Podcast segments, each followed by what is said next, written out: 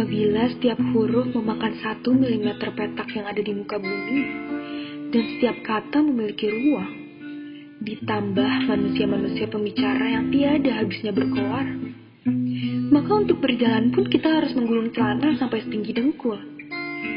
Tidakkah kau sadar bahwa dunia ini sudah kebanjiran kata-kata, sayang? Kata-kata yang begitu banyaknya sampai kau dan aku tenggelam. Sebentar lagi bumi akan meledak karena kelebihan muatan dan terlalu tua untuk menopang. Lantas mengapa? Mengapa kata-kata lahir begitu banyak jika pada kenyataannya manusia dari benua berbeda bisa saling berkomunikasi hanya dengan satu bahasa? Mungkin jika kata-kata layaknya kita, kau dan aku mereka merupakan makhluk hidup yang paling banyak berkontribusi pada sempit dan sumpeknya dunia. Ke kanan ada si kata, ke kiri ada si kata, ke depan, belakang, tenggara, barat, dan lainnya aku bertemu si kata. Nampaknya jumlah penduduk per kapitanya melebihi penduduk Cina.